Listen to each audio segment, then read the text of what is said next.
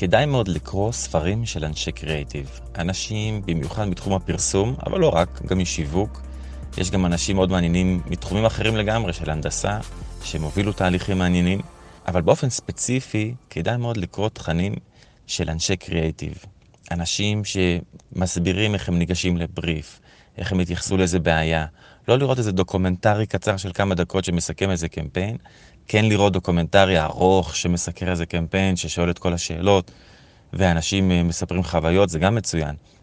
אבל ספציפית לגבי ספרים, זה ממש מעולה לקחת ספר של בן אדם מתחום הפרסום, איש קריאיטיב ספציפית, שהוא מתאר איך הוא ניגש לבריף, איך הוא ניגש לבעיה, והספר הוא, הוא באמת מאפשר להעמיק, להיכנס לראש של הבן אדם, לראות איך הוא מסביר, לראות את התהליכים שפחות או יותר הוא מתאר איך שהוא חווה אותם, ומה הוא עשה, את הפתרונות.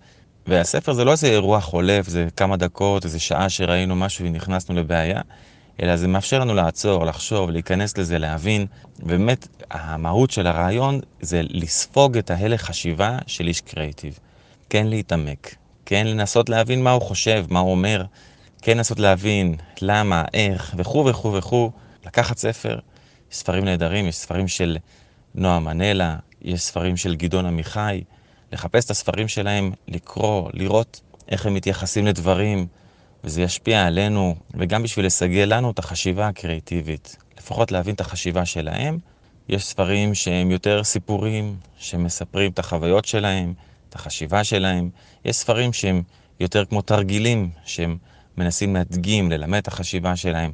להבין את הראש, ללמוד.